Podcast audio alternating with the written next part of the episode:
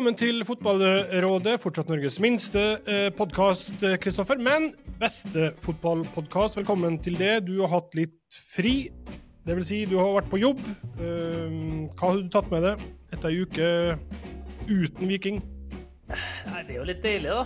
Det er litt deilig å ta, legge det litt på avstand. Det er jo intensivt, det vi holder på med. Så kunne eh, treffe litt andre folk, eh, jobbe med litt andre ting. Det syns jeg bare er godt for uh, hode og kropp. For uh, nå er man tilbake igjen da, og må jage de der poengene på søndager igjen. Det, det, er godt når det kommer en helg uten å jage tre poeng på søndager, for å slippe å tenke på det fra fredag til søndag kveld hele tida. Ja. Eh, bra. Velkommen til det, Morten Langli. Du har òg jobba, som vanlig. Ja, jeg så Kristoffer i korridor, korridorene der på Ullevål mot eh, Færøyene, ja. Så vi hadde vel samme type oppdrag da. Og så var jeg i Bergen og fulgte kampen mot Skottland, så det har blitt litt jobbing, ja. ja. Det er bra. Velkommen til det. Velkommen nå til det, eh, Petter Myhre. Eh, jeg vet ikke hva du gjør når det er landslagspause? Da, noe sted, eller? Som den gode ektemannen jeg er, så feirer jeg 50-årslaget til kjerringa. Både onsdag og lørdag. Så jeg har vært på fylla jeg nå i to dager. det høres helt prima ut. Blei fruen fornøyd? Ja da, hun ble fornøyd. Så skal jeg ha jentelag her nå til lørdag, så da flykter jeg. Da er det greit å komme seg unna. Så nå har jeg gjort, gjort mitt følge. Veldig bra. Eh, veldig hyggelig at dere eh, begge to er med oss. Og du, eh, Vegard, eh, skal, hm? du fortelle, skal, du fortelle om din eh, landslagspause? Den har jo ikke akkurat vært eh, stille og rolig, den, Arne? Den har jo egentlig det. Jeg har vært i Spania i fire dager og spilt veldig, veldig mye golf. Ja. jeg klokka inn på tre mil gåing her på lørdagen. så det har blitt veldig mye sol, veldig mye golf, litt øl. Veldig hyggelig. Ja, Uh, ja. Godt Anbefales. Én uh, av seks runder var bra. Okay. Ja. Resten var jævlig. Men det, er sånn er det. Golf kan være, ta livsgnisten fra de fleste. Vi kan starte på Lerkendal, Kristoffer, der eh, vi bruker å starte. Den gangen her for å hylle en person som vi har hatt med i poden ganske nylig. André Hansens debut for Rosenborg i 2015 var 20.11. Over 300 kamper senere skal keeperkjempen ta farvel med Lerkendal som Rosenborg-spiller, eh, og da innbyr klubben til eh, fest, nær sagt. Eh, en velfortjent avskjed for en klubblegende. Ja, jeg håper jo at han kanskje får grønt lys fra fysioterapeutene til å få seg noen minutter, i hvert fall. Da. Det er jo litt kjedelig hvis den karrieren hans på Lerkendal skal enn med at han uh, sitter der bare og vinker til supporterne. Det har vært hyggelig hvis han kunne komme utpå her òg. Han har vært veldig viktig for det Rosenborg-laget der i veldig mange år. Og så er det litt trist, da, syns jeg, at den kurven har vært litt sånn uh, feil vei da, for hele laget, hele klubben. Han, uh, den perioden da han kom, var han jo del av et lag som var nærmest uovervinnelig en periode. De tok vel sju av åtte titler i, i fire sesonger her. og han, eh, på slutten av den godperioden så hadde han jo noen kamper der han egenhendig eh, sørga for at de eh, klarte å beholde de topplasseringene sine. Jeg husker 20, 2018. Da syns jeg Rosenborg var helt middels, eh, men de vant til dobbel L. Og det var mye takket være André Hansen, så eh, vel fortjent hvis det fylles opp på Lerkendal i helga og gir både han og Per Siljan Skjelbred en eh, avskjed de fortjener. Han var jo med oss for to episoder siden. Vi, skal, vi setter av eh, 40 sekunder til å høre hva André sa da. Nei, altså Jeg har jo drømt litt om det. for du vet, Jeg har jo disse, alle disse vanlige historiene om at, uh, at det var noen uh, utspillere som ble putta i mål når de er 16, og så, og så ble de verdensstjerner. på en måte, altså, De ble i toppsjiktet av keepere der ute. Da. Men det hadde vært jævlig artig å gå andre veien. Bare da i motsatt alder òg. Uh, mm. Så men så har jeg også spilt stopper mot Ranheim eh, for eh, det blir vel ja, fire-fem år siden. Da, en time der, og det det satt i kroppen i tre dager, da. Så, så det og det er fem år siden, og nå ja, sier man skal spille et par år til i mål. Da, så det er liksom, Når er det du faktisk skal gjøre dette posisjonsbyttet? Det... Ja, ja. Men det hadde vært, det hadde vært jævlig, jævlig artig. og så er det ikke sikkert at det blir på toppnivå, men at man kanskje og heller, det, det må ikke være Oldboys heller. Det må ikke være sjette divisjon. Da blir det liksom ikke noe verdi. Det må liksom være kanskje på snor eller på en måte rundt der. da. Så vi får se. Der var det et spørsmål om man kunne tenke seg å spille midtbane når man legger opp som keeper. Og det kunne eh, Morten. Du har trent André for noen, eh, mange år siden. Hva tror du om planene til André?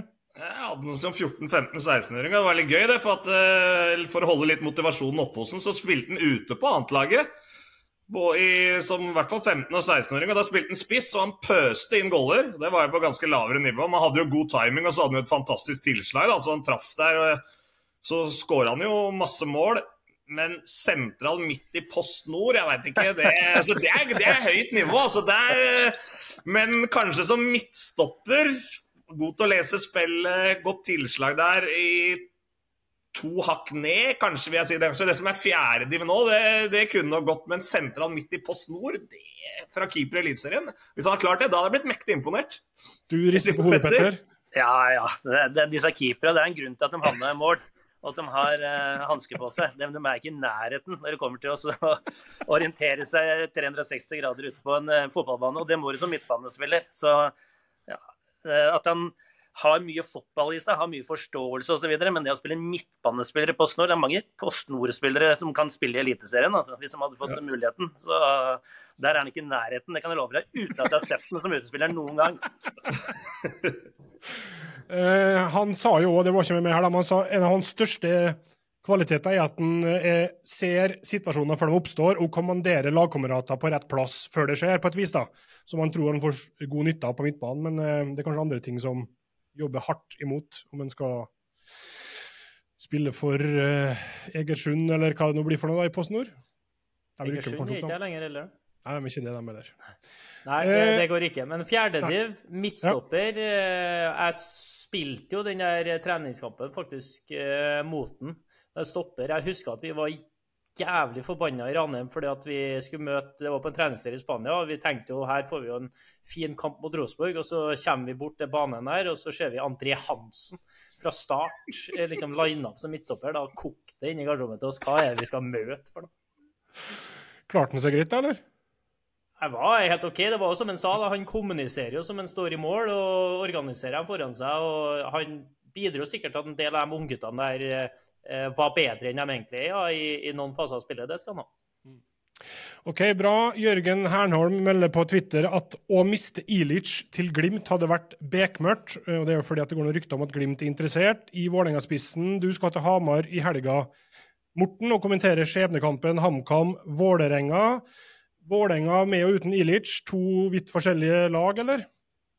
Ja, de har i hvert fall fått en spiller som skårer mål jevnt og trutt. da, tilfyrer mye i boksspillet. Han er god på huet, han beveger seg smart. Og han er brukbar link-up-spiller og til å skjerme ballen feilvendt og sånne ting òg. Men det er jo timinga hans inn i feltet og huespillet hans som holder uh, absolutt toppklasse, som gjør at det, det nivået der kan spille en, uh, en høyere liga med. Og jeg skjønner jo Bodø-Glimt nå. De er jo litt i samme posisjon som det Rosenborg var i glansdagene. De har bygd seg opp en bankbok, og da gikk jo Rosenborg De, de liker jo å si at det bare var trøndere der, men ok, hvem er beste spissen nå? Ja, det er Frode Johnsen, det er Sigurd Rushfeldt, det er Jon Carew. Hvem er beste bekk og stopper? Det er Bergdølmo, det er Basma. Hvem er beste kanten? Det er Jan Derek Sørensen. De gikk jo bare rundt og sukra de beste spillerne, brukte posisjonen sin. Og nå er jo Bodø glemt akkurat i samme posisjonen. De ser selvfølgelig hvem er beste spissen i ligaen. OK, Al-Saed Ilic. De, de, er i fare for å, å, rykke ned. Dem kan vi hente. Det er ikke noe fare for dem å hente igjen heller. Hvis de spiller fast i Europa, kan de slippe de spillerne ut igjen. Så selvfølgelig Glimt scouter eh, i mange ligaer, men eh, også i den norske, selvfølgelig, og se hva de, se hva de trenger. Hva tror du, Petter? Greier Ilic å skyte Vålerenga til ny kontrakt, eller? Eh? Ja, Det er et godt spørsmål. Per nå så ser det ikke sånn ut. Eh, det som Vålerenga har prestert i det siste. Og med tanke på at de, ja, må vel i hvert fall ha fire poeng. Eh, og de har ikke tatt så mye poeng eh, i det siste. og Spillmessig også har det vært sånn, litt sånn opp og ned, syns jeg. Og klart, den, den frykten og den bekymringa som, som, de spillere der har nå, når de skal ut på banen, den, den er den er guffen å, å gjøre noe med. Altså, vi, kan, vi, kan, snakke om mentaltrener og vi kan snakke om uh, at det er bare fotball og ditten og datten. Men det, det der å skal ut der og prestere under de omstendighetene som, som de har satt seg sjøl i, da, det er uh, ekstremt vanskelig. Så, så, de spillerne der har blitt eller presterer dårligere enn hva de faktisk er. Uh, de er bedre fotballspillere enn det, det, de har fått vist, men de får det ikke ut sammen. og det det, det sitter mellom øra og uh, at de har hatt så mye dårlige opplevelser. Så mm. Det er en frykt der som, som er største fienden til Vålerenga, sånn som jeg ser det. Og, og, jeg tror de andre lagene der nede, Stabæk, Sandefjord og sånn, ikke er i nærheten av å ha den samme frykten som det Vålerenga-spillere har. Så, så, så det, det, må du få gjort noe med, i hvert fall, hvis de skal ha sjanse for å berge. Uh, fint. Vi kan sveipe litt innom landslaget. Torgeir Katla skriver at det er virkelig en gåte, dette landslaget. Ståle Solbakken har skapt enormt gode kollektiv av flere utgaver av FCK. Vi har kanskje ikke enormt gode forsvarsspillere hver for seg, men hvorfor klarer en ikke å organisere kollektiv enhet som fungerer godt? Kristoffer, vil du prøve det på en enkel forklaring på det her 20 eh, års tørke for landslaget, som nå har fortsatt under Ståle Solbakken? For meg så har ikke dette vært et landslag som jeg ser på som er dårlig. Jeg vil ikke si at det er et dårlig kollektivt organisert lag. Eh, det sitter jeg og ser på. Så hvis du ser på antall sjanser det laget her har sluppet imot, eh, så har ikke det vært et ekstremt høyt tall. Det har faktisk vært et tall som i veldig mange tilfeller fører med seg eh, OK resultat, eller gode resultat. Men det er på individuelt nivå, når det brenner, når kamper skal avgjøres inni egen 16, i og rundt egen 16, så er ikke eh, vi dyktige nok, og det har ikke vært i 20 år. Altså, det her er ikke bare det laget her, men ofte så er Jeg ser på andre nasjoner som jeg på sett og vis vil si at vi er bedre enn de lagene der. Men det er noe med i de avgjørende faser av spillet så det, det, virker som at det ligger noe annet omtrent i ryggmargen til hvert individ. da, Når det kommer til eh, å forsvare egen boks, f.eks., som et helt eget eh, et eksempel. Eller å være også den som avgjør kampen i, i andre enden. Et, det, det norske laget her jeg, jeg er ikke med på at vi jeg er ikke enig i at det hadde løst seg med å, å spille med, med, fem bak, fire på midten, én spiss f.eks. Da, da tror jeg totalen i det laget eh, nesten har blitt dårligere. For, men det er to punkter til meg. Det ene som det norske landslaget må løse og bli dyktigere på allerede neste år. Det ene er Kommer det en tydelig scenarioplan i et gitt tilfelle at du leder 1-0 på hjemmebane mot Skottland f.eks. de siste ti minuttene, som skal få oss ut av den der følelsen av at på slutten så blir det farlig hver gang. Da kommer vi til å slippe inn mål. Kommer det f.eks. da en tydelig plan om at ok, da spiller vi i ti minutter, 5-3-2, 5-4-1, med andre typer på kant, med, med de prioriteringene i angrepsspillet, i forsvarsspillet osv. Det er én. Og nummer to er at hvordan skal vi slå de store nasjonene? Fordi at hvis vi skal til et VM, så må vi kunne være i nærheten av en skalp. Altså Vi må kunne være i nærheten av, hvert fall på Ullevål, fullsatt Ullevål, og slå Spania, f.eks. Det, det, var ikke vi, altså det var aldri nære i det hele tatt. Så det er to punktene for meg. Det laget her har vist at mot medium ned så er, er man uh, veldig god uh, tidvis. Men når det skal avgjøres, så er det uh, Vi er ikke gode nok individuelt. Individuelt er avgjørende fasene, syns ikke jeg. Hva du sier, Morten? Hva er din konklusjon etter å ha fulgt denne kvaliken her? Ja, det er mange konklusjoner. Kristoffer er jo litt inne på samme sporet som hovedtrener Solbakken. da. Og det er kanskje mange som er blitt litt lei av det. da Det blir brukt mot nå. ikke sant? At han eh, henviser jo til dette her. Eh, få sjanser imot, de skaper mest. Og er jo veldig tro, han føler han har spillergruppa med seg, at å spille på den måten de gjør, er det riktige. Så går det selvfølgelig an å argumentere for at kanskje bør spille en mer kynisk stil. Det er jo elementer i spillet dem som bør bli bedre. Offensive dødballer, f.eks. Skåra riktignok 1-0 mot Færøy, men det, det, det syns jeg de er skuffende svake i forhold til de spillertypene har. Jeg regna på det her om dagen. Hvis det, altså En antatt lagoppstilling. så Hvis de har Ayer som stopper, han er 1,98. Sander Berge på midtbanen, ikke spesielt god på huet, riktignok. Han er 1,95. Haaland og Sørloth de er 1,94-1,95. Og så har du på Jørgen Strand Larsen, da, som kan ha i tilfelle. Da er det fem mann på godt over 1,90 i elveren, pluss Leo Skiri Østegård. Da hadde jeg tenkt som trener imot hvert fall, at det, her er det farlig hvis da Martin Ødegaard eller Fredrik Aursnes eller sånt, å slå de ballene inn i feltet. Der, der, der, der føler jeg vi har litt å gå på. Og så er det spørsmålet skal vi spille en litt enklere spillestil. Er spillet for lagt opp? Altså, jeg skjønner noen tar over laget at du tenker det. Jeg har to verdensstjerner. Jeg prøver å legge opp taktikken til at de spiller mest mulig likt det de har gjort. Eller rollene sine da, i klubblaga. Det har han jo sagt mye òg. Haaland liker å spille ensom spiss. Martin Ødegaard til høyre som indreløper, der han briljerer i Arsenal. Så spørs det om det er det ideelle for de ni andre, da.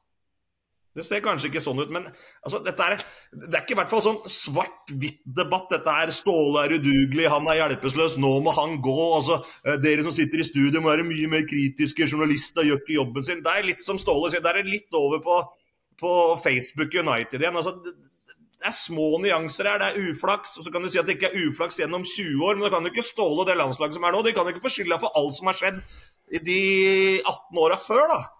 Så dette er en kjempedebatt, men da, da må vi ha mange timer, altså.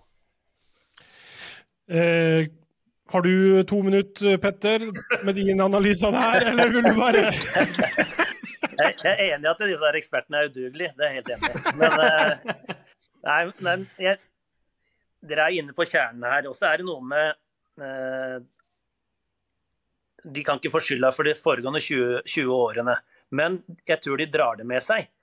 Eh, mm. Dette er litt der vi har sett eh, eh, Når Sverige var gode i tennis, så, så kom det hele tida nye tennisspillere opp. Når eh, Norge var, var på i, kom på topp i alpint, så liksom ser det hele tida det kommer nye, gode alpinister. Eh, så Det er noe med kulturen da, hva er det som, som på en måte vi kan bringe videre, som vi vet at funker 100 eh, og, og jeg er jo helt enig nå at Norge må, må klare å bryte ned motstandere de må ha spillere som er så trygge med, med ballen at de klarer eh, å beherske de kampbildene. For de må slå de gode laget. Der har de tatt steg, det er jeg enig i. Eh, men så er det noe med at det også krever et forsvarsspill da, som også står i stil til det de skal uh, gjøre med ball.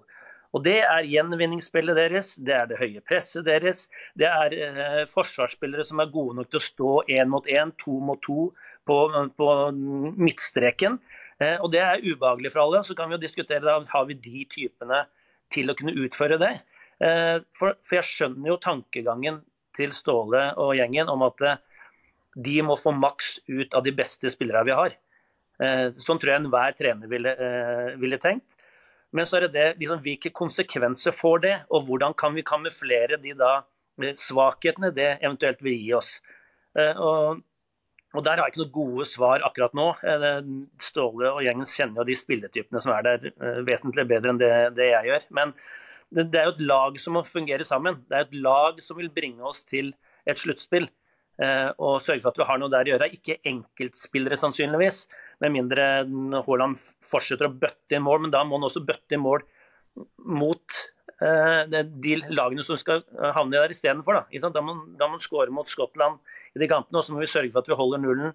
Uh, og så må vi klore til oss de poengene der. Og det blir en del sånne kamper hvor vi også må klore oss til poeng hvis vi skal få nok til å komme oss videre. For det er ikke tvil om at uh, Norge som lag er like gode som mange av de lagene som har kommet seg til, uh, til EM.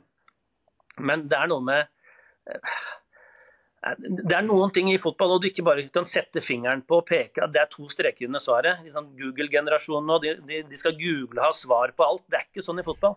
Fotball er, er så jævlig komplisert at du, du noen ganger så, så, skjønner du ikke hvorfor det som skjer, det skjer. Eh, og dette med å slippe inn mål på slutten, det kan være frykt, det òg. Eh, og, og, som Løkberg er inne på her, eh, skal vi finne ut hvordan vi skal løse det de siste ti minuttene? Ja, det har de helt sikkert snakka om. Og så kan det også noen ganger bli at det, åh, fader, nå legger vi om, nå leder vi, nå må vi i hvert fall ikke slippe inn. Og så, så, gjør det folk, eller spillerne passive. Så det, det, der, er, det der, er, veldig vanskelig, altså. Men uh, uten tvil uh, skuffende at vi igjen uh, er uten et mesterskap. Noe som bekymrer meg litt, da, det er at vi som nasjon nå over tid har skapt det jeg ser på som også når jeg ser unggutter som kommer på trening. Det som i teorien både ser ut som og er bedre fotballspillere. Altså mer tek bedre teknisk, bedre å drible osv. Men det jeg savner litt, er at jeg, jeg mister eh, den der gjengen som jeg ser på sånn hm, Han vil jeg ha på laget mitt, for da tror jeg laget mitt har størst sjanse til å vinne. På en eller annen måte en sånn udefinerbar egenskap, men han har lært seg å vinne, på en måte. Jeg får opp unggutter på trening, så jeg merker at det, det, det betyr ikke noe. Altså det å, å, gå på treningsfeltet, det å, å, grave ut de siste marginene i den siste kampen, åtte mot åtte, ni mot ni ja, jeg, Så lenge jeg får være utpå her og ha det litt artig og masse touch på ballen og kanskje prøve å drible, prøve å feile litt, så går det greit. Og der frykter jeg litt at vi har, vi har gått over til å Vi utvikler veldig mange gode spillere. Eh, tankegangen på akademiene er veldig utviklingsorientert av eh, både individ og lag tenker prestasjoner. Ja, vi tapte 5-2 i dag, men bla, bla, bla. Det, det, er viktig å lære seg å vinne òg. Mm. Og det, det, hører jeg fra Hvis jeg, hvis jeg snakker med folk på laget fra Slovenia eller fra Balkanområdet f.eks. De lærer, seg å, de lærer seg å grave ut det der og vinne fra de er 6-7-8 år. Her vi teller ikke resultat før eh, de er gamle nok, skulle jeg si det er noe som setter seg i ryggmargen, det òg, tror jeg. OK. Eh, vi kunne holdt på mye lenger. Eh, gjør ikke det nå. Bare kjapt eh, minne om at den uka som kommer nå, eh, der starter og Dette er jo vår høytid, Kristoffer. Der starter playoff kvaliksesongen med eh, Start Bryne på lørdag, og så er det Lyn mot Hødd på mandag, og så er det KBK mot vinner av Start Bryne på onsdag. Hødd Lyn på lørdag, og så er det KBK Start Bryne mot Kongsvinger på søndagen, før da eh, Vålerenga, hvem veit, skal spille kvalik mot Obos-laget. Jeg bare tar med en tweet om det her, fordi Lyn-supporterne, melder det her, Kristoffer. Vi må seriøst ha noen jævlige ballgutter som blør for drakta på mandag. Ikke gi Hødd en dritt. Her er det bare somling og obsternasig stil som er akseptabelt og noen må smelle fyrverkeri om Hødd overnatter i byen. De skal ønske seg bort herfra hvert eneste sekund av oppholdet. Og det her feller jo i god jord hos det som har hylla Glimt og Aspmyra for å ha Norges mest kyniske ballgutter. Ja, de er jo Norges mest drilla ballgutter. De er lynkjappe til å gi Bodø-Glimt uh, ball, mens uh, ditto uh, ja, likegyldig til å gi motstanderen det, det, er bare sånn det må være. Og bare et lite tips til dem som da eventuelt er ballgutter for Lyn. Så det er veldig viktig at uh, de må vite at Hødd Hva heter han på Hødd som kaster som en annen enn skyter? Altså, det er noen lange innkast der som er et helvete å forsvare seg mot. Så alle sånne håndduker og sånne ting må jo bort. Mm. Så det må de jo ta bort. Og så må de jo også sørge for at den ballen som gis, er glatt og ekkel og kaste langt med, hvis de skal få noe effekt ut av det. Men uh, Nei, det, Hvis de skal tyne ut de siste marginene, så må de uh, kunne tøye strikken på egne ballgutter. Jeg irriterte meg sjøl i andre gangen mot Sarpsborg uh, sist, ned til oss. For det er jo litt veldedighet hvem som står på sidelinja her, og det er jo veldig artig og stas og sånn. Men jeg har jo sagt lenge nedpå her at vi må jo i hvert fall Du må gjennom et sånn lite grunnkurs i ballguttens ABC. ABC. Det hadde ikke blitt ennå, og det har du nevnt mange ganger her. Men nå er det på tide at noen tar tak. Det er fair play, vet du. Ja. Bra. Eh, la oss eh, gå videre. Fram til Tom Lund. Tom Lund har Pål med seg. Tom Lund dribler av to engelskmenn! I ett minutt blir han felt! Blir han felt av grisen Phil Neal! Rampen Phil Neal sparker Tommy over ende bakfra. Phil Gris Neal! Begynn å ta igjen, gutter! Begynn å ta igjen! Engelskmennene har ramp både på banen og på tribunen. Homlund gikk forbi to engelskmenn. Phil Neal overfalt ham bakfra. For en gris! For en fotballramp Phil Neal er. Dette skal han ha igjen, gutter. Ta den ved første anledning. Eh, legendariske Børge Liljen. Dette skal han ha igjen, gutter. Ta med første anledning. Kunne du vært så partisk, eh, Morten, hvis du hadde kommentert landslaget? Nei, men da kan du vri på kommenteringa litt, for da blir du en slags uh, fan i, i kommentatorboksen. Jeg har jo kommentert det norske landslaget både i, i, i hockey og fotball, og du har, du har en annen, annen inngang der. Det er fantastisk å høre Bjørge Lillien, da. Han, faren min spilte jo Nordre Sving, de hadde jo mye med Bjørge Lillien å, å, gjøre. Det var en låt som heter Severin Strik, hvor eh, Bjørge Lillien er inne og refererer ulike ulike happeninger. Og på en sånn 25-års jubileumsplate så var Bjørge Lillien sånn toastmaster mellom alle låtene. Så jeg møtte han et par ganger da jeg var eh, liten guttunge, og det var jo utrolig stort. Da. Han var jo så jo opp til han allerede da når han var sånn seks-sju år. Stemmen fra radio for å møte ham på privaten. Det var, eh, det var stort. Forbilde? Nja, ikke sånn Men uh, det er jo en referanse fra når man er født i 74, så har man jo den referansen fra barndommen, de som kommenterte på radio. Så det hendte jo det. Den gangen så var det jo ja, at man hørte mye på radio. Så man satt i bilen eller hvor det var hen, i stua, så Det var ikke så mye som gikk på TV. Så gamle er vi blitt. Eh, hva var, eh, for din del, Petter, eh, du har jo vært med på det her noen år du nå òg. Hvordan havna du med å jobbe i TV? Som alle andre som har vært trener i fotball? Ja. Ja, ikke sant. Du må, du må først være i en klubb, og så må du ut derfra, og så ringe dem. Nei. Det, var, det var faktisk Langli som ringte meg. Eh, jeg satt utafor Meny på Rasta på Lørenskog. Jeg hadde akkurat vært og handla, så ringte Lang, eh, Langli og sa at Frode Olsen skulle eh, begynne som sportssjef i Bryne. Så han mista makkeren sin, så han lurte på om jeg kunne være med. Og hadde noen planer om det. Eh, og så var jeg veldig skeptisk til det. Det var aldri en tanke hadde, som hadde slått meg i hele tatt. Jobb i TV. Eh, så jeg trengte litt betenkningstid. Og så endte det med at vi skulle prøve en sånn der turnering i Brasil. Når Viking, Stabæk og et par andre lag spilte midt på natta. Og det tror jeg var like greit. Både pga. kommenteringa mi og også pga at de ikke hadde lagoppstillinger. Det var sånn at de plutselig tok en vanningspause etter 20 minutter. Og det var, nei, det var helt sinnssyke greier. Så det, jeg tror det var eneste som fikk utbytte av det, var de som rant inn på nattklubbene der eh, om kvelden. Så det var, eh, det var veldig spesielt. Det var ikke noe sånt at det ga mersmak, akkurat. Så ærlig må jeg være. For det var eh, veldig klønete om, eh, omstendigheter å kommentere fotballkamper på. Eh, Men så ga jeg han en mulighet, og så skrev jeg en, først en ettårskontrakt som, eh, som gjorde det. Så det er, det er Langli sin skyld. Eller. Altså, et lite, et lite apropos til det, da. Var det jo et, et par år i forveien der, så var jeg på jobbintervju med Petter Myhre på Valle. Da kjente vi hverandre ikke, men da trente jeg yngre lag i, i Skeid, og Vålerenga var på jakt etter nye folk rundt gutte- og juniorlaget sitt, tror jeg. Jeg syns det så ut som en interessant jobb. Og så veit ikke om han har tenkt å gi meg noe jobb, da, men jeg, jo, jeg måtte jo gå til sjefen min i TV 2, da, Vegard Jansenhagen, og si at uh, hva skjer med jobben min her i TV 2 hvis jeg skal trene juniorlaget til Vålerenga?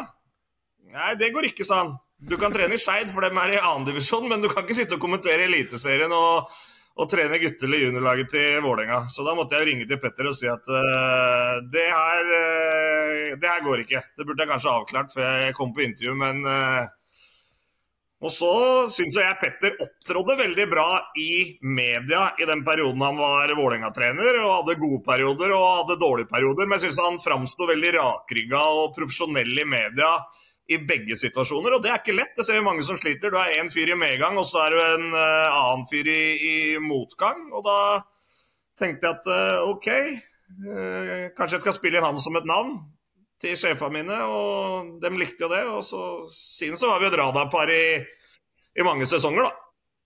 Ja, for eh, når du altså Du sier jo litt om hvorfor du ringte Petter, men hva er det på en måte som for din del Morten, gjør at du kan funke som ekspert eller sidekommentator eller kommentator? Hva egenskaper trenger du? I studio eller som eh, kommentator ja, på arena? Ja, som kommentator da, ute på arena. Det er vel en jobb som egentlig flere kan klare, tror jeg, enn den studiobiten, som er uh, mer komplisert. Da har du mye mer å forholde deg til. Da har du prat på øret, da har du kamera, da har du programleder, da har du kjøreplaner, da har du ting som skal gå på bestemt tid. Det er en mye vanskeligere rolle enn det å være kommentator på en fotballkamp. Det, det mener i hvert fall jeg. Men, men, men, samtidig så mener jeg at det er færre som eh, bør være sidekommentator på en fotballkamp, enn som kan sitte som ekspert i studio. For som en ekspert i studio så kan du ha eh, veldig mange forskjellige ferdigheter.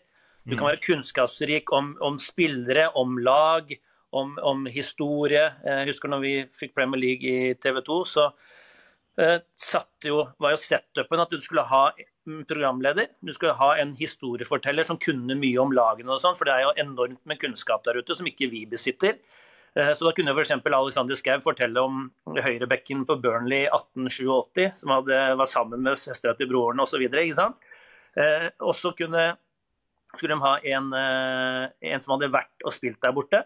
Da var det Trevor Morley eller Erik Torstvedt eller eh, Lundekam eller hvem det måtte være, som da hadde den insiden. Og så skulle det være en fotballfaglig dyktig person der. Eh, så, det, så kompleksiteten i studio er helt annerledes enn Men hvis du er ekspertkommentator på arena, så må du klare å gi merverdi til TV-seeren, og da går det på fotballfag. Mm. For mm. kommentatoren har jo ansvar for alt som har med statistikk og, og den type informasjon å gjøre. Så, så, så, de to jobbene skiller seg ganske mye, syns jeg i hvert fall.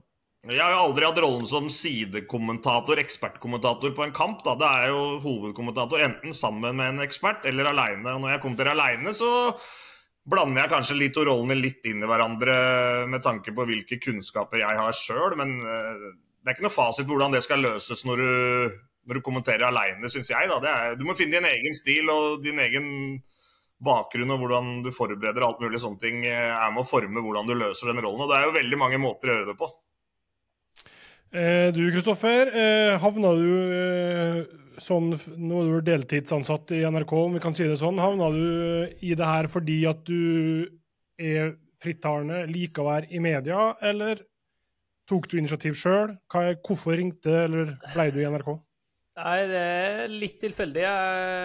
Etter vi rykka opp med Ranheim til Eliteserien, så var jeg med som gjest i Discovery noen gang der. Og syns jo det var, gikk fint. Og jeg jo, har jo god oversikt og kunnskap nok til å kunne gå inn der og, og være med i den rollen som en annen rolle igjen, fordi at du blir mer sånn Eh, inn i ny og ne og, og, blir mer sånn stilt spørsmål til enn å, at du er en pådriver eller en driver av, av programmet, eller hva det skal være. da, og så eh, var jo bl.a. Emil Gukild var jo litt inn i Discovery den eh, perioden med noe greier, og ble kjent med han. og så var det jo her eh, berømte, eller famøse, eller hva vi skal kalle det, VM i Qatar, da, der eh, ingen som ville jobbe, jobbe, med det. skal jeg si. Det er i hvert fall enkelte av dem som eh, jobba i NRK, som hadde sagt tidlig fra at de boikotta. Og da trengte jo NRK folk. Og da, siden Emil Da er det jo litt tilfeldig at eh, Emil da var i NRK og skulle jobbe med VM. og eh, Han ringte meg helt plutselig ut av ingenting og spurte om jeg kunne tenkt meg, tenke meg det. da. Så ble det jo noen runder der, for det var jo heller ikke lett for meg som uh, spilte i Viking, der Viking også hadde vært innblanda i den Qatar-debatten osv. Jeg måtte gå, gå noen runder på det, men uh, sett i ettertid så var det vel et de beste valgene jeg har tatt, tror jeg, å takke ja til det. For det var Én ting var de videre mulighetene for meg, sånn helt eh, kynisk sett for min egen del, men også tror jeg jeg lærte mer ved å faktisk delta og være med på å skape de sendingene her, og hvordan vi skulle bidra til at det ble et balansert og godt mesterskap til dem som, dem som så på. Når du er eh, ekspert i studio, Morten, hva eh, nær sagt, Hvorfor vil du ha den jobben? Hva er det det gir deg, eller hva eh, er det ved den jobben som er gøy? Jeg syns det er utrolig morsomt å følge med på fotballkamper, da. Det er, det er, det er vel hovedårsaken. Eh, plukke ut ting fra matchene, formidle det til seerne på en eh, enten morsom eller informativ måte. Det gir meg noe. Eh, det er et kick å jobbe live. Det er, det er, noe spesielt, det òg. Du må ha visse egenskaper som menneske for å, for å gå og takle det. Og så er det jo det som kanskje ikke kommer så fram som dem som sitter og ser på, er litt hvordan vi må tenke i forhold til hvilken flate og hvem vi prater til. Altså Petter og jeg vi har sittet og lagd én times build-up til Sunderland Stoke i Premier League. Ikke sant? Hvilke publikum prater du da? Hvor grundig kan det være? Hvilke temaer skal du innom? Kontra om du sitter på en Champions League eller en landslagssamling som går på TV2s hovedkanal, hvor det er strikte. Du må ikke prate mer enn 40 sekunder der. Gjør du det, så ryker du inn i neste reklamebreaks. Da må den og den reportasjen eh, kastes. Og da, da er du en, en, eh, en, del av et lag også. Hvis jeg går utover taletida mi, sitter og prater i tre minutter, så får ikke Petter snakke, eller han som har brukt hele arbeidsuka si på å lage den reportasjen som han han besøkte nede i Afrika, den må kastes og, og, og gå på nettet. Så det er et ekstremt teamwork. Det fascinerer meg. Alle må være gode sammen når du sitter der i, i studio, spiller hverandre gode. Nytter ikke å være illojal der. Da, da, lever du ikke lenge en, uh, i en sånn type rolle. Så det, det, er mye rundt det som uh, fascinerer meg. Og så er det selvfølgelig den ekstreme varianten hvor du har 40 sekunder i pausen og skal vise fire mål fra første omgang mellom uh, Norge og, og, Skottland. og Twitter og alle sitter og idioter, TV 2 er slemme, og det er 40 sekunder og får ikke vist noen analyser. Nei! Vi gjør ikke det. Da blir det de fire måla, og så må vi reklame. For det er sånn uh, kanalen driftes. Men, vi kunne gjerne sittet og snakka i, i, 15 minutter vi om alt mulig, og flytta piler hit og dit. og, og gitt et annet tilbud, men, men, det er litt en annen diskusjon igjen. og Skal du jobbe i studio, så gjelder det da å beherske de ulike flatene og det publikummet du prater til. Det er, det er i hvert fall en del av jobben. Du da, Petter, som tydeligvis var litt skeptisk til det her eh, TV-mediet. Hvorfor, eh, eller hva gjorde at du ble, skal vi kalle det, om du ikke hekta, så i hvert fall syns det er en OK, morsom, givende jobb? Uh, først og fremst det jeg jobba sammen med. Jeg, jeg, kjente på det samholdet som jeg har kjent i fotballen i alle år. Jeg fikk jobbe med flinke folk innenfor et område som jeg, var totalt ukjent for meg. Jeg hadde på en måte vært skyteskive på andre sida. Uh, nå fikk jeg jo litt innblikk i hva er det egentlig de tenker. Eh, gikk en litt sånn Gikk en F i meg eh, og tenkte at OK, eh, skal jeg være med på dette, her, så skal jeg, med, skal jeg gjøre det på min måte. Og på den måten kanskje klare å få noe farge på det svart-hvitt-bildet, som, som, som, regel kommer ute blant fans, media osv. Så, videre. så, så, så da jeg var ganske tydelig på at ok, nå kanskje jeg kan drive litt opplæring i, og fortelle litt om hvordan er det å være fotballspiller, hvordan er det egentlig å være en fotballtrener. Eh, ble jo ofte beskyldt for i begynnelsen, at jeg, og sikkert ennå, at jeg liksom ikke hadde noen sterke meninger. Men, men, men, mine sterke meninger dreide seg om å være annerledes enn de andre. For meg så dreide det seg om å, å si at jeg ikke syntes han treneren skulle få sparken, eh, når alle de andre sa at de fikk sparken. Jeg mener jo det er å mene noe, da. Men, men det er jo som regel de som roper høyest hver gang som mener at de mener noe. Som, eh, men da er det mer for meg at okay, jo mindre kunnskap du har, jo høyere må du rope. Mm. Så, så, så Tenker du på meg nå, eller? Ja. Tenkte jeg ikke skulle nevne navn. Men, eh, men, men, men, det har noe med at eh, jeg ble fascinert av det å være litt annerledes enn mange av de jeg jobba sammen med. Kjente på det samholdet som var veldig ålreit.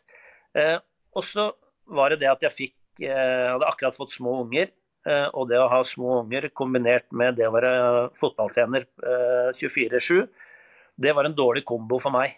Jeg sleit med det og takle det. Og, det, og da tenkte jeg OK, da er jo dette her det nest beste.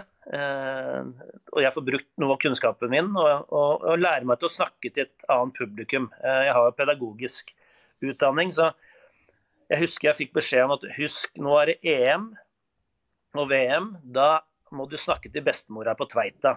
Da sitter det folk her som nesten aldri har sett fotball før, men som nå sitter eh, og, og, og, følger med. Så nå må du være veldig mye rundere i, kantene og ikke drive med faguttrykk. Og hvis du bruker faguttrykk, så forklar hva du mener. når du sier bakrom, så er det da okay, rommet bak forsvarsfireren til. Så det ble veldig sånn, da. Eh, mens når vi hadde Premier League, og vi hadde den tida det var mindre reklame i, i Premier League òg, så hadde, siden vi hadde sju-åtte minutter pause og sånn, da, så kunne det være mye tydeligere på fag, da bruke litt mer terminologi osv. Så, videre. så Så det å kjennes i publikum, som Morten sier, vite ok, hvilke flater er det vi snakker til nå. Eh, for, for meg så var det mm, veldig spennende å være en del av. Eh, og ikke minst miljøet og, og det å få se de beste på nært hold i Premier League, VM, EM, Champions League osv. Jeg syns det var lærerikt òg. Og, og når jeg tok over en nå i Lillestrøm, etter å ha vært ute av det en periode, så brukte jeg mye av det som jeg da hadde lært i mellomtiden. Fotballen går framover med stormskritt. Eh, og det som funka når jeg var trener i Vålerenga og Strømmen, det, eh, jeg kunne ikke lagt blåkopi på det og gjort det samme i Lillestrøm. Mm. Så, så, det var berikende sånn sett òg. Det med ulikt publikum til ulike sendinger er jo interessant. Du kan jo høre på det her. Jeg satt hjemme sammen med familiemedlemmer som overhodet ikke var interessert i fotball, og så på den kampen eh, hvor han ikke ble bytta innpå. De ble forbanna! Mutter'n ble forbanna! Men hun satt og så på den kampen for å se på han guttungen! Hæ? Det var derfor hun satt og så på den kampen. Hun dreit i alt. Mutter'n ville se Martin Ødegaard. Ja, hun var 15 år! Det var derfor hun satt og så på den kampen.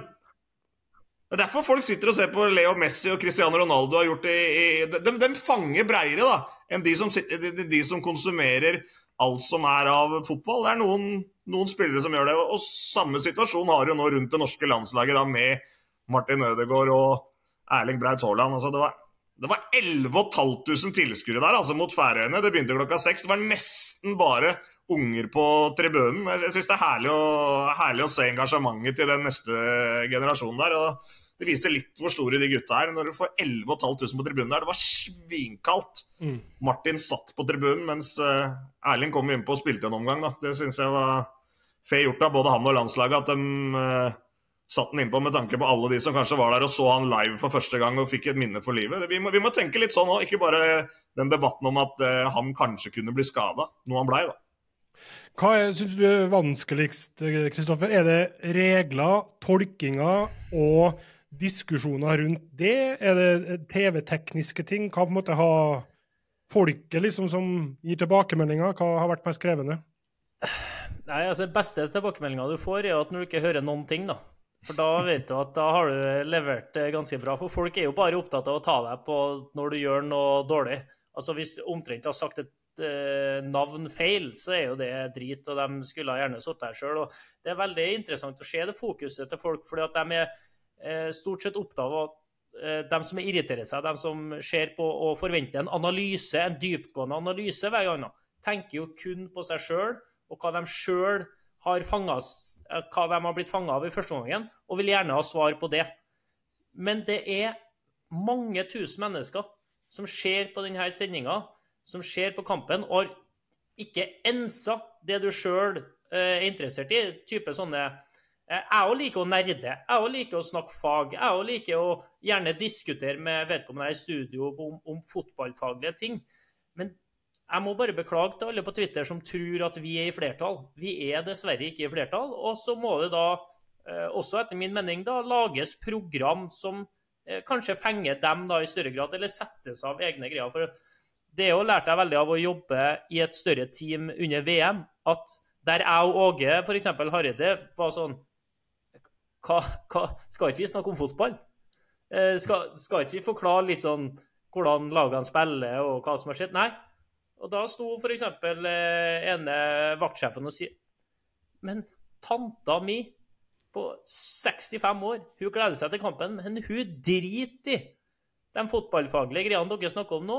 Så i dag så må vi lære oss det, at vi fokuserer på det. Og jeg hadde laga en analysepakke på, på, seks klipp og tenkt at jeg her er jo konge, for at jeg må vise de tre klippene her først og de tre klippene etterpå, for at sammenhengen og totalen viser at det her er ikke bare en tilfeldig situasjon. Og det sier Uinteressant for, dem, for folk flest som skal se en kamp en dag. Bare å kutte Du får to. Så, så folk må vite at det er veldig mye som ligger bak, da å jobbe med. og Det er både krevende, men også veldig interessant. og Det handler om som de var inne på her, du må gi og ta. og Sammen så er målet å lage en god sending der alle får bidratt med sitt, og at totalen blir fin. Noe av det som er det vanskeligste, da, hvis du var inne på det, det er, som jeg ser kanskje flest folk sliter med, både i Norge og andre steder, er jo presentasjonen av analysene. Altså, du, har funnet den fram, tegningen er gjort, alt det er der. Men så er du live. Spiken må sitte. Du har ett forsøk. Det er ikke noe du har brukt en time på i tape. Og det, ser mange som er ferske da, eller kanskje gjør det for første gang, eller når du, gjør det, når du sliter sjøl òg, for det gjør det mange ganger, og du gjør det live. Veldig viktig å vite hva som er det første bildet ditt. Hva det første du skal si, er når bildet begynner å rulle. For da er ingen vei tilbake.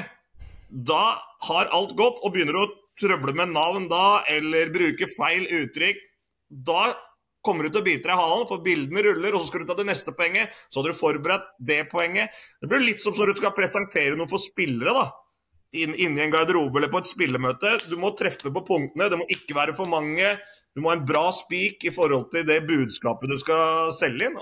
Og det er vanskelig. Det er trening bak. og Noen ganger treffer du, andre ganger treffer du ikke. og Noen ganger syns kanskje folk at analysen du har gjort er helt elendig. Du burde ha fokusert på noe annet. og På et, på et bilde fra en fotballkamp så kan du fokusere på veldig mye ting. Du kan ta angrepsspillet, du kan ta det lagmessige, du kan ta det individuelle, du kan ta forsvarsspill kontra angrepsspill. Altså, det er jo veldig mye å se etter på et samme et, et bilde. Hvor du kan vinkle det på veldig mange ulike måter. Og, det, det, er jo uh, noe av utfordringa her, da, mener jeg. Og det er jo ofte at det, fotball består av feil. Så hvis det er veldig enkelt å finne ut hva som er feil, hva som gjøres feil i bildet. Og så, så Ofte så er det 90 av alle analyser blir jo hva, hva gjorde de feil? ikke sant? Uh, og det, det, er jo ikke å fremsnakke produktet, uh, syns jeg. Så, men det er mye vanskeligere å se hvorfor ting går bra. hva gjør folk riktig? Eh, så, så jeg drev alltid og strevde etter se etter de analysene. Og så var det selvfølgelig helt innlysende ting hvis det var en forsvarsspiller som hadde gjort samme feilen tre ganger. Eller du så, eh, men da kan du også fokusere på ok, motstanderen fortsetter å angripe han høyrebekken her fordi han er sånn og sånn og sånn. Så får du noe positivt med det. Og så er det noe med dette her, jeg husker jeg begynte i TV 2, så var det første ordet jeg lærte meg, det var å floate. Det, det, det, du har lagd nå, Petter, det kan du bare drite i. Det kommer ikke på lufta. For nå er vi over tida. Nå er det reklame, eller nå har Langli brukt altfor lang tid på å prate. Så du, den, den tida er over. Så du kunne jo sitte Det var det første jeg måtte lære meg, å liksom slippe den, mm. den der at OK, nå har, jeg, nå har jeg brukt hele førsteomgangen på å lage en analyse som jeg mener er bra, og så kommer du til pausen, og så får du ikke vise den. At, at, at, sånne ting. Så det, det, det er sånn seeren ikke ser, ikke sant. Eh, hva er det som jobbes med hele veien underveis. da. Så det var flere ganger vi kunne komme til en pause og vi hadde lagd en analyse, men plutselig så var det ikke plass igjen pga. at det var eh, noe annet som skjedde. da. Så, men det der med, med å, å uh, vite hvem er det du snakker til, uh, og at det er ekstremt mange forskjellige egeninteresser hos en TV-seer. da.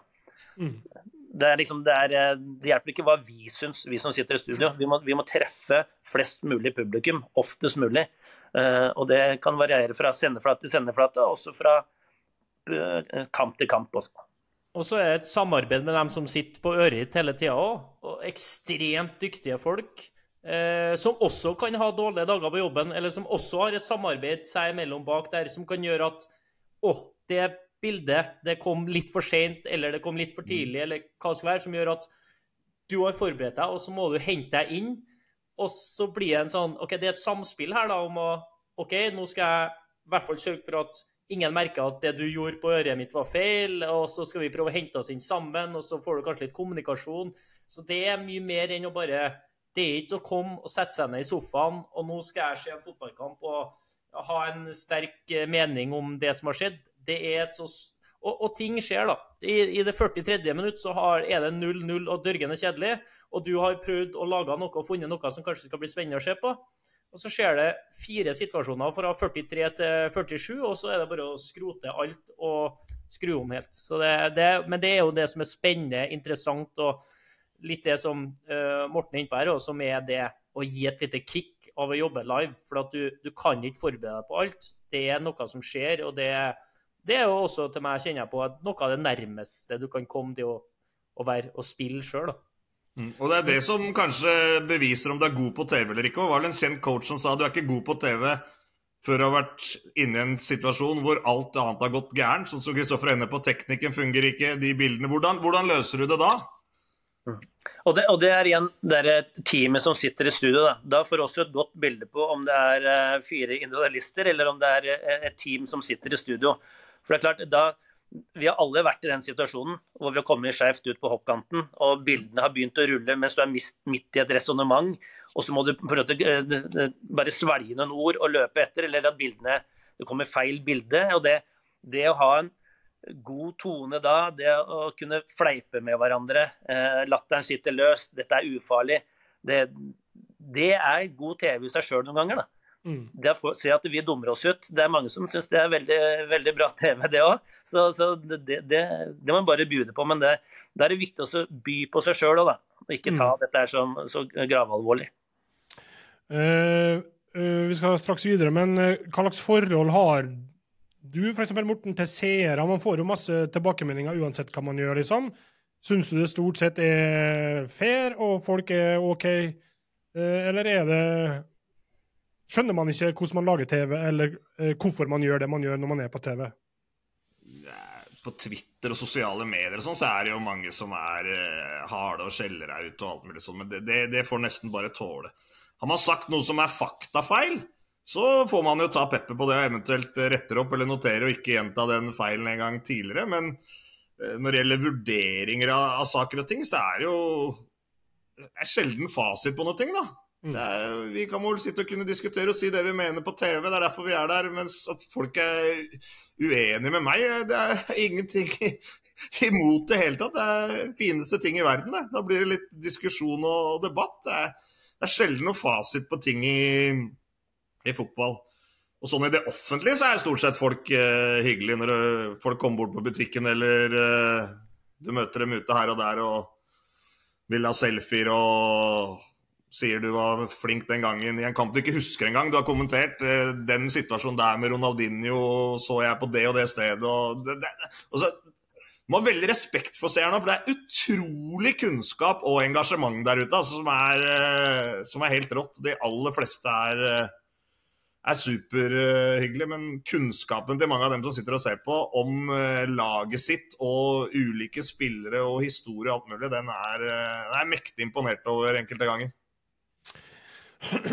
Unnskyld, da passer det godt å ta noen lytterspørsmål når vi snakker om folket. Eh, eller folket, når Jon Børrestad står som første innsender her, så er det vel ikke verken representativt på det ene eller den andre måten. Men han har selvfølgelig sendt et spørsmål, og han lurer jo ikke overraskende på hva er Dette er en tematikk som går igjen i mange spørsmål. Hva er den perfekte temperaturen i et TV-studio? Jeg har sett begge, enten skru opp eller ned klimaanlegget, kaldt trekk eller for varmt. Aldri enig. Tenkte de aldri på meg som gikk fra 15 til 30 grader gjennom helgene? Et under at jeg holdt meg frisk. det, har vært den største utfordringa jeg og Langli har hatt i, i alle åra vi har kommentert sammen og vært i studio sammen. Det er at han, han tror at han dauer av trekk i en alder av 35. Så han, eh, han liker det kjølig, mens jeg er jo født med kroppstemperatur på 40 grader. Så, så, for meg så blir det varmt. Og, tenker, og hvis du først sitter på TV-skjermen og begynner å svette, så bare glem det. Du klarer aldri å hente deg inn. Det er umulig å gjøre noen ting. Men hvis, hvis Langli fryser litt, så kan han i hvert fall reise seg opp og gå i pausene og sånn. da. Så, og vi hadde, husker vi hadde, Dette her gjaldt jo Alexander Skau òg, som også har sånn frysapinn, sånn som Langli. Og i det gamle studioet vi hadde i Premier League, der var den aircondition-knappen bak en vegg. Det er så vidt du kom inn der. Du måtte krabbe inn.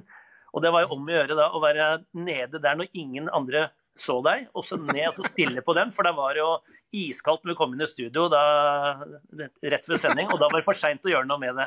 Så hendte jeg at jeg var der inne og skrudde litt kaldt, mens Langlia og Skau som regel skrudde opp. da, Så det var 40 grader når vi kom inn i bunkeren der. Uh, Olai Årdal er litt på samme tanken her, Morten. Hvor eller hvor er den verste plassen for Morten å kommentere, med tanke på trekk? Absolutt verste sted jeg har kommentert noen gang. Ja. Eh, hjemmebane til Manchester City. For Der sitter du helt oppunder taket, og så er det åpning bak. Der kommer bare vinden inn helt så Du får den i bakhjulet. Det er helt umulig å ha noe ark eller noe der eh, oppe. Og så er det ganske høyt òg, men der er det, der er det sving. Der blåser det. Jeg er enig. Det er verste, verste sted når det, når det er kaldt her. Men det kaldeste kampen vi har kommunisert sammen, husker du den? Må være La Manga, VM. eller? VM. Ja, ja, ja, ja, med Maradona der. Yes. På Ja, Soccer ja, ja, ja, City ja. Stadium eller noe sånt. Det var, vi våkna i, i, Johannesburg. Det var eh, to minusgrader og snø når vi våkna der. Og jeg det var Mhm. Argentina-Sør-Korea eller noe sånt, tror jeg. Ja, Uh, og, og Maradona gikk og leste avis inn på banen der før kampen og sånn. Ja. Og vi satt og frøys og frøys, og det, var, det blåste så kaldt. Det var sånn vind som bare gikk rundt og rundt og rundt i stadion der hele tida, og det var rundt null grader. Og vi hadde ikke en, veldig mye klær med oss. Det, det var sånn, da kjente du at du, du hakka tenner, du kjente at stemmen ble i sånn når du kommenterte. og det, ja, det var pine, faktisk, de 90 minuttene. Men Husker du hva som skjedde i den kampen? Som veldig sjelden skjer i en fotballkamp. Det var du som gjorde oppmerksom på det, og Argentina hadde det som en taktikk. Ja, ja, Som City seinere rappa fra Argentina. at Nemlig at det ikke er offside Ja. på femmeter. Yes. Så de la Aguero i en, en ganske hard offside der, eller om det var Iguain, og så klinka Romero bare den femmeteren igjennom. Og mange år etterpå, når jeg kommenterte enten FA-cup eller ligacupfinale på Wembley, City-Arsenal, så gjorde, gjorde City det samme med, med, med Ederson der. Opp langt, og så, så scora de på det. Mm. Du må ha en keeper som sparker langt da, for å få det til, men uh, hvor mange som ble tatt litt på senga der, husker jeg Petter sa det er ikke offside på fem meter! Sjelden den regelen er i, i, i spill i sånne typer situasjoner. da. Det det. At du faktisk setter en spiller da langt bak forsvarslinja til motstander. Eh, bra. Jacqueline spør kan Morten fortelle hvordan han planlegger å holde styr på livet sitt med å gå til bokhandel og kjøpe to kalendere, parentes ark, for kommende år. Det er jo ikke så, det er jo ikke så spesielt. det. Jeg har dem jo nedi her et eller annet sted. i nærheten av der jeg sitter på kontoret. Men jeg tar to sånne pappkalendere, som du får på Meny eller Kiwi. Og så følger jeg, følger jeg inn én med alt som eh, skjer i livet mitt. Fotballkamper, travløp, bursdager, bryllup, ferier, alt mulig sånne ting. Og så tar jeg en andre hvor jeg da fører oppdrag som jeg skal ha, inn i. Og jeg er stort sett alltid på rett sted, i riktig by, til rett tid. Så det folk har inne på telefonen sin, det har jeg heller i stedet på i to papp, pappkalendere som jeg, som jeg bærer med meg. Og det fungerer for meg. Men har du slutta å bruke papirpenger, eller er du fortsatt Jeg har vært en av de siste der òg, men eh, nå er det mye kortbetaling, altså. Ja, det jeg liker kort. ikke. Skulle vært, vært, vært cash for, fortsatt. Eh, Pelle spør om Petter har lyst å jobbe Premier League igjen, eller om han skal bli Instagram-blogger på heltid. Du hadde vel et innlegg her nylig som var Nei, jeg skal ikke jobbe med sosiale medier i hvert fall. Jeg har faktisk en plan at hvis jeg ikke skal jobbe i TV fra 1.1, så skal jeg logge meg av sosiale medier. Det er, det er mine ambisjoner da. Jeg, kjenner at jeg dør litt inni meg hver gang jeg er innom sånne Twitter-feedene og sånne ting. Jeg syns det er så mye, mye fundamentalister og mye drit der, som jeg tenker at det har jeg ikke bruk for i, i hverdagen min. Så og Instagram-blogger ble jeg nok ikke. Det kan hende at jeg beholder Instagram-kontoen, det kan hende. Men, eh, og Snapchat, eh, sånn at jeg kan kommunisere med ungene mine og sånn. Men, eh, og de nærmeste. Men nei, per nå så har jeg for helt ærlig ingen, ingen planer. Jeg, har, jeg, jeg, jeg brukte tida de første månedene eh, etter eh, at jeg var ferdig i Lillestrøm til å tenke ut OK, hva, hva er det jeg vil? Eh, Så da sa jeg nei til alt av samtaler og tilbud og sånne ting, for å finne ut hva Og jeg sa til OK, hvis dere fortsatt syns jeg er interessant, så kom tilbake igjen i november-desember. Da skal jeg ta en avgjørelse. Så per nå så, så er Nav det, det nærliggende fra, fra 1.1, og så får vi se om det, det endrer seg. Premier League er den, det er den tøffeste TV-jobben i, i Norge, da, hvis du, hvis, du, hvis du tenker med det å jobbe som med det som enten kommentator eller eh, ekspert. Én for at du må stå mye mer i skittstormen, det er utrolig mye fokus. Det er eh, to store klubber som har mange fans som er sinna på deg hvis du sier noe gærent eller eh, det går dårlig for de, de laga. Samtidig så er det det er en tøff måte å jobbe på, for du ofrer mye hver eneste helg. Du får jobbe med et fantastisk eh, produkt, men samtidig, når du har de studiovaktene der Du får ikke gjort så mye på fredagskvelden altså når du skal sitte i det studioet ti timer på, på lørdagen der. Enormt med forberedelser i, i, forkant og en lang sending som du Du må mer eller mindre lade opp som en toppidrettsutøver. Du må legge deg tidlig, du må stå opp, du må spise sunt, du må gjerne sove litt før sending, gå rett i seng etterpå. Så det det er knallhardt. Det er, det er, herlig å ha gjort det i noen år og, og, smakt på den delen av livet, men uh, jeg veit ikke om jeg hadde vært så sugen på å gå tilbake til akkurat Premier League-jobbing i Eile, hvis jeg hadde fått en mulighet til det. Mm.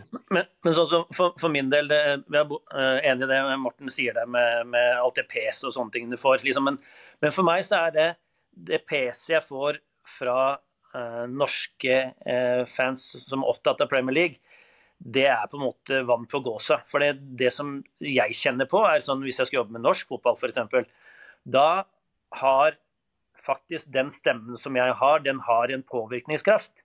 Jeg kan være med å styre en debatt, om det er om enkeltspillere som er gode eller dårlige, om det er en trener som er god eller dårlig, om det er klubbdriften osv.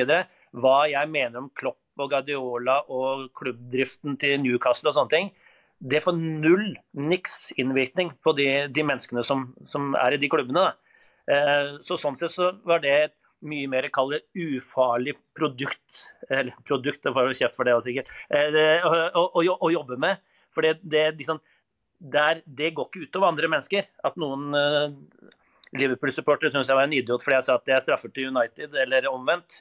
Det, det, det, er bare engasjement. Det er, det er seeren som, som, lever seg inn i det, tenker med hjertet. Så, så, så, for meg så er det på en måte eh, annerledes. da. Mer pes på sosiale medier, ja, men, men mindre pes i kraft av at du kan eh, påvirke eh, hva som faktisk skjer. da. Var i Norge, mm. dommere jeg kommenterte, den, jeg kommenterte den matchen hvor Liverpool fikk tre straffer på Old Trafford. Skulle ja. hatt fire. Det var en ganske sjuk opplevelse. Da var det ikke helt stille i innboksen. Nei. Apropos det, da. Eh, et siste spørsmål her fra, fra Jens til det, Morten. Eh, hvilket forhold har du til at du er med og påvirker hvordan de store øyeblikkene blir huska? Eh, og så nevn et konkret eksempel som vi kan ta her. Messi lekker tofotsvidd, og så kjører han en tunnel! Fantastisk fotball av Lionel Messi! Og så setter han fart. Skal han gå hele veien, da? Ah, han går hele veien, Lionel Messi! Skal du ta en Maradona? Ja, han gjør det! Lionel Messi! Vi ser et fotballunder på kamp nå! Han tok en Maradona! Når du hører igjen det her, tenker du da faglig hva du kunne gjort bedre, eller For du ser veldig fokusert ut nå i 20 sekunder? Nei, men det er jo kanskje gjort mye på det. Men det er kanskje høydepunktet sånn kommenteringsmessig.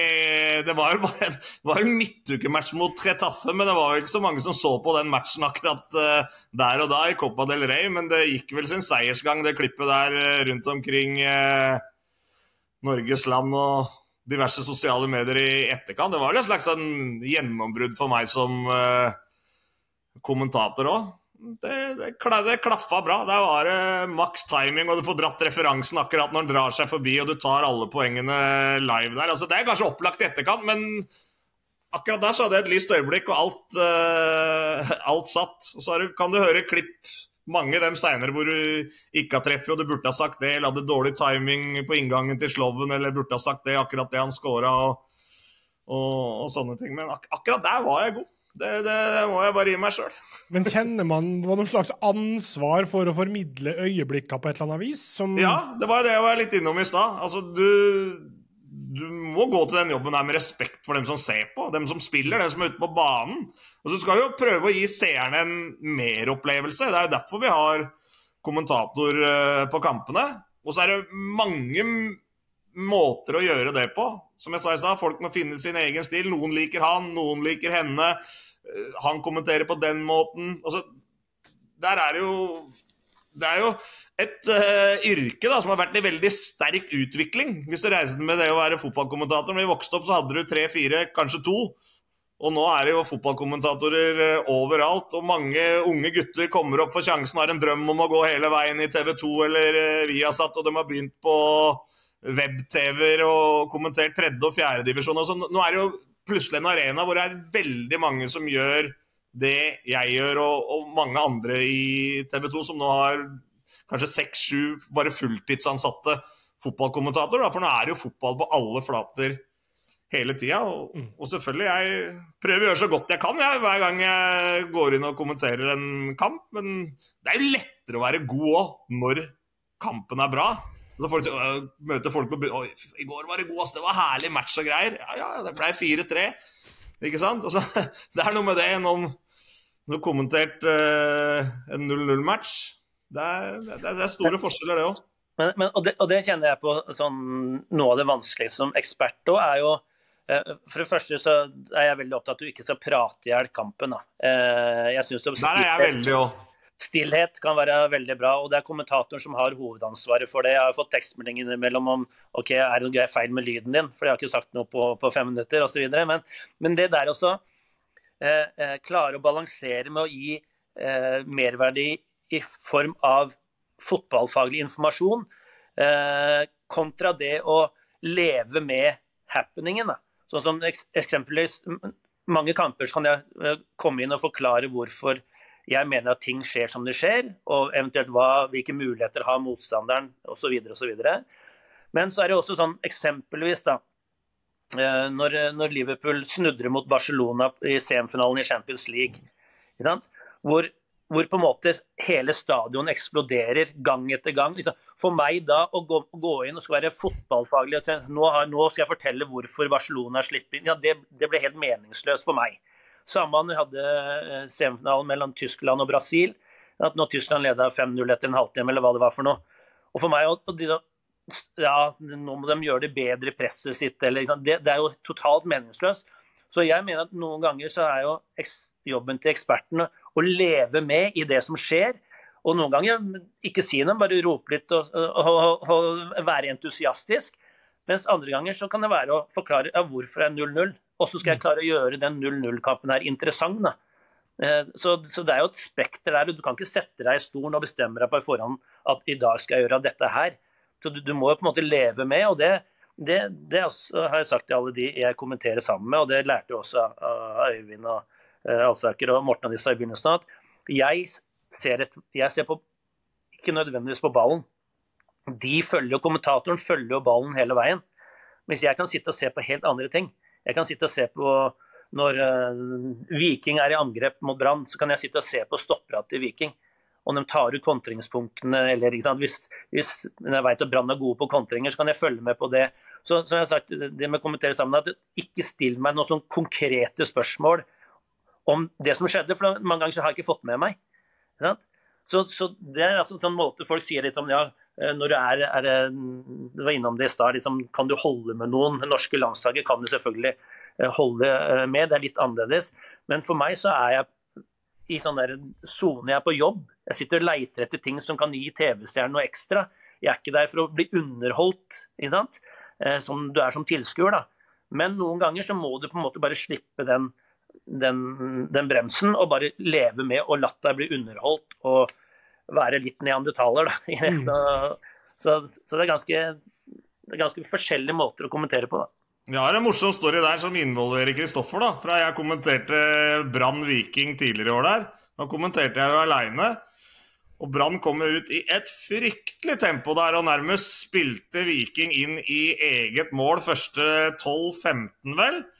Så tror jeg jeg sa noe sånn som at eh, hadde jeg vært Viking-trener nå, eller det Viking trenger nå, det er eh, en timeout for å få orden i rekkene her. For det er bare spørsmål, tidsspørsmål før eh, de får et baklengsmål. Han hørte nok ikke det, men han tenkte vel det samme der han satt på benken. da. For da ble det et uh, naturlig stopp på en eller annen årsak. hvor Jeg tror Løkberg hadde en lite, liten finger med i spillet, og Slatko Tripic fikk veldig vondt i, i, i beina der. Men det, det, men det var med å redde matchen for Viking etter det.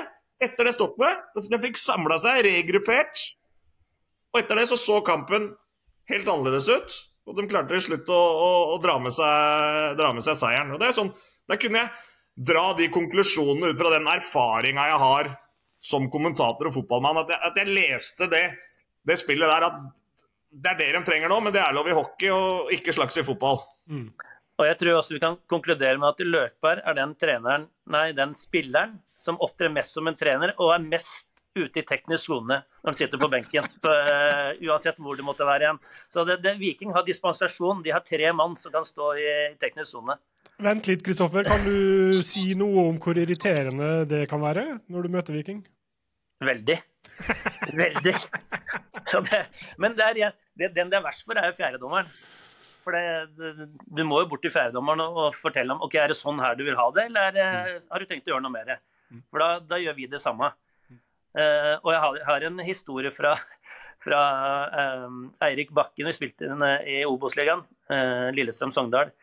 Uh, og, og Eirik liker å være veldig aktiv i, i, i, i teknisk sone, gjorde i hvert fall det da. og ute og coacha sånn, så da, da sa jeg til Geir Bakke, eh, ikke Eirik men Geir Bakke, og han fysiske treneren vår før vi skulle møte Sogndal borte, det var en viktig kamp helt på slutten av sesongen der. Vi kjempa om eh, den andre opprykksplassen. Og da sa jeg til nå, hver gang Eirik Bakke nå sier noe, så går vi opp og sier noe. Så bare rullerer vi hvem som sier det. Og det, og det blei et helvetes leven på sida der. Og vi krangla med folk som sto og passa på spilletunnelen, og det var eh, ja, til slutt så tror jeg Eirik Bakke gikk litt lei. Eh, Så vi snakka om det etter kampen. Jeg sa at eh, sorry, men eh, vi hadde bestemt for å ta deg. Så, så, det, så det blir jo noen ganger sånn, da. Og, og når Løkberg står og hopper der sammen med de to andre trenere, og, og fjerdedommeren tillater det, og, så, kan det være jævlig irriterende mange ganger. Så det, det, det er ikke så lett å holde maske. Og så veit du at alle mennesker blir påvirka. Så hvis fjerdedommeren blir påvirka, hvis, dommeren blir påvirka, hvis linjemannen blir påvirka, i liten grad, da, så, så er det litt sånn OK, skal, du, skal dere lønne de som oppfører seg sånn, eller skal dere lønne den som oppfører seg ålreit? Det er deilig, vet at- helt kort, Nei, Ja, men det er deilig, vet du, for at det er bare dem toene som får kjeft. Jeg får aldri kjeft.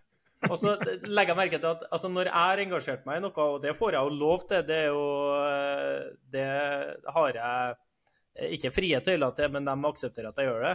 Da er det alltid idet jeg setter meg ned, og så står de to etterpå. Da kommer fjerdedommeren, men det er jo pga. meg. Men det er jo dem som får kjeft, ikke meg. Så, og den situasjonen mot eh, Brann nå, så så det er jo ingen som kan ta deg på om, du, om keeperen trenger vann, f.eks. Så vi, vi, men vi var så kjørt at det var det eneste vi kunne gjøre. Og jeg tror jeg leverte en powerade til Patrick Gunnarsson og, og bidro med noen beskjeder. Men da var brannbenken jævlig irritert, for de så det jo. Men de, men de kunne jo på en måte ikke gjøre noe med det. da. Så de var, Hassan El Fakiri var jævla forbanna, husker jeg. Men det, vi kom oss gjennom, og pga. grepet så vant vi kampen. Hvis ikke så hadde vi kommet til å tapt. Og så jeg husker, det har vi snakka om før òg, Sivert Helte Nilsen, som ikke er akkurat er Guds beste barn sjøl, han sto til Slatko og sa Fy faen, det der er så smart. Det er så smart. Det er så smart. Så han hylla jo da, samtidig som han irriterte han, så hylla han. Jeg måtte ha gjort det samme sjøl. Eh, veldig bra. Vi skal eh, avslutte ganske snart, for det her har tatt lengre tid enn hva vi snakka om. Men eh, vi må ha med siste spalta vår, Kristoffer. Eh, din egen uh, løksuppe.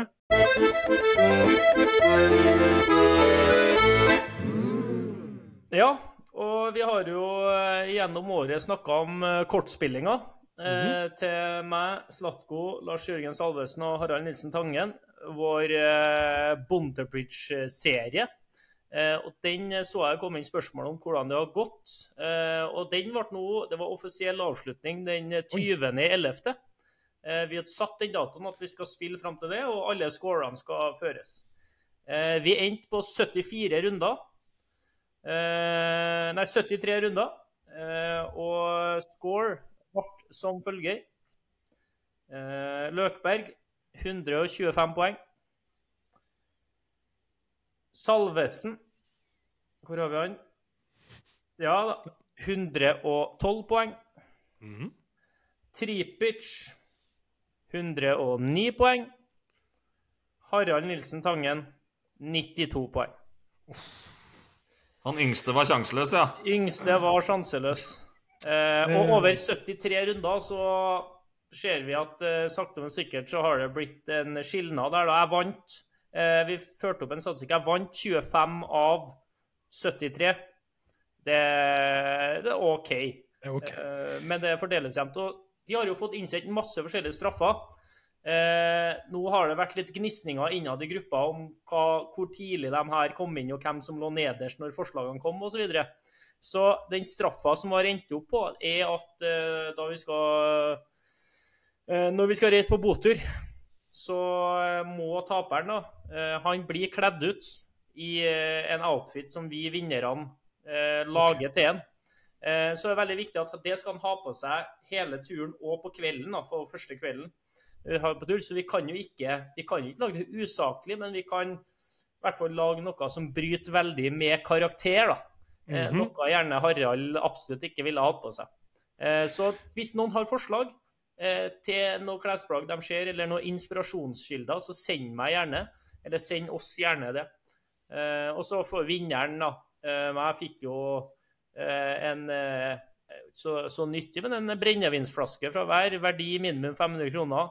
Som kan stå liksom som, på, som trofé her da, på, på barbordet. Ja, for, hvem, eh, hvem, et spørsmål til slutt. Hvem er spillets far?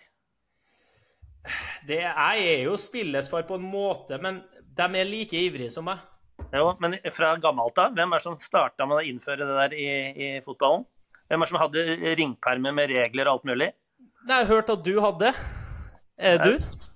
Geir, ja, Geir Bakke, som på en måte er eh, offisielle spillets far, men det var vi som starta å spille det tidlig på 90-tallet der, med de straffene. Og ja, Du kan jo høre åssen det gikk i Stabæk. Det ble vel eh, slutt på, ble forbud på det kortspillet pga. de straffene var så tøffe etter hvert. Så det, Dere skulle hatt et eget sånn fotballråd om de der straffene. ja, det, Det hadde blitt bra program, det altså. hadde blitt god TV. Det hadde blitt god TV.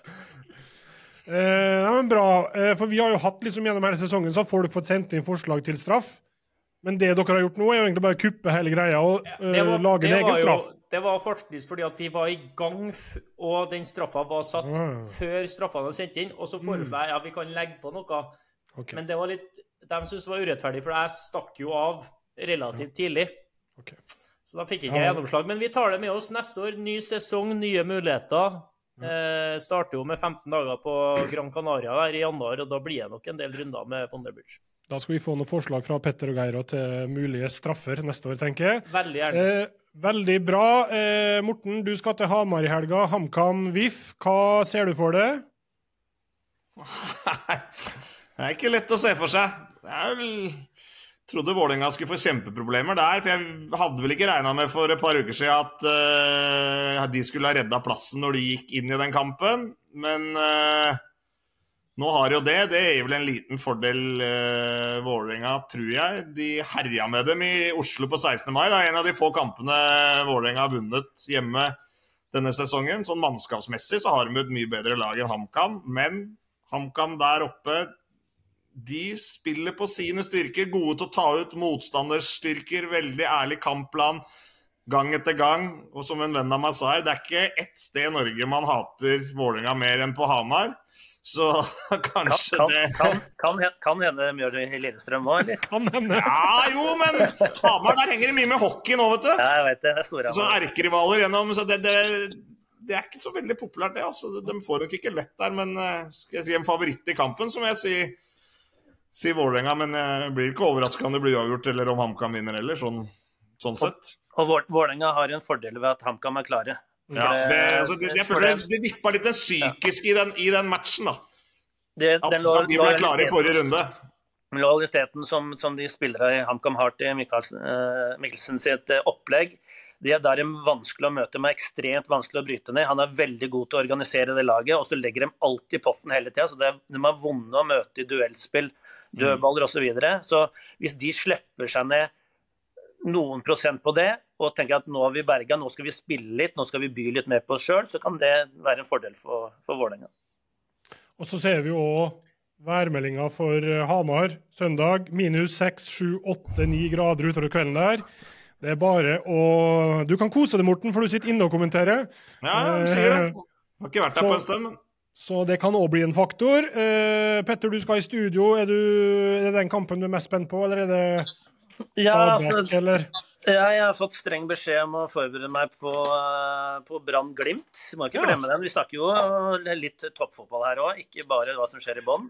Eh, men det er ikke noe tvil om at eh, HamKam Vålerenga er eh, en av høydere denne, denne runden her. Eh, der kan jo ting bli avgjort. Eh, så, så det er jo det Vålerenga er jo det laget med mest kniven på strupen av samtlige lag i denne runden. Det er det ikke tvil om. Eh, men eh, jeg tror også Brann Glimt kan bli en voldsomt kul match. da. Stabæk-Sandefjord har det vel. Det er eh, mye spennende der.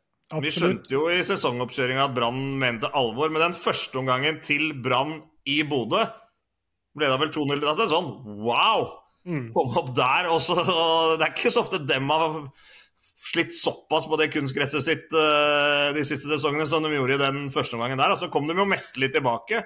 Men da Det var et sånt statement fra Brann at de kom til å være med i, i toppen den sesongen her, og det har de jo bevist og etter at de fikk inn litt spillere og folk tilbake del to av sesongen.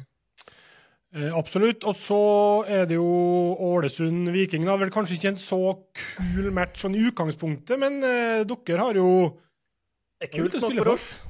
Ja, ja. Er kult nok. Masse Masse supportere som har eh, tidlig booka seg tur til Ålesund. og til å bli god stemning og bra støtte. og vi kan vel litt. Jeg skal ikke dra noen linjer om at vi, vi, må dit og vinne. fordi at eh, Vi vil gjerne ha en siste serierunde hjemme mot Rosenborg fullsatt med muligheten til å komme eh, topp tre. Så semifinale kaller jeg det i Ålesund for å spille oss til en finale hjemme mot Rosenborg siste runde.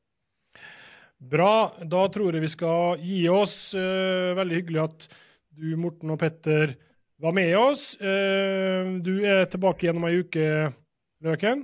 Jeg skal på B-lisens nå en uke, fra, så det, vi må jobbe litt med det tidspunktet. altså. ja, okay. Må jobbe Ja, litt, greit. men forhåpentligvis. Ja, bra. Eh, fint å ha med nå, i hvert fall. Og så avslutter vi med noen eh, visdomsord fra eh, en av paneldeltakerne. Takk for at dere har eh, hørt på. Jeg er så lei den ropinga he på hens. Voldsom uting. Spredt seg som en farsott over uh, fotball-Europa. Her ser vi at skuddet går rett i skinka på Colo Torre. Og da er det hens. Hens, hens, hens, hens. Alt er hens.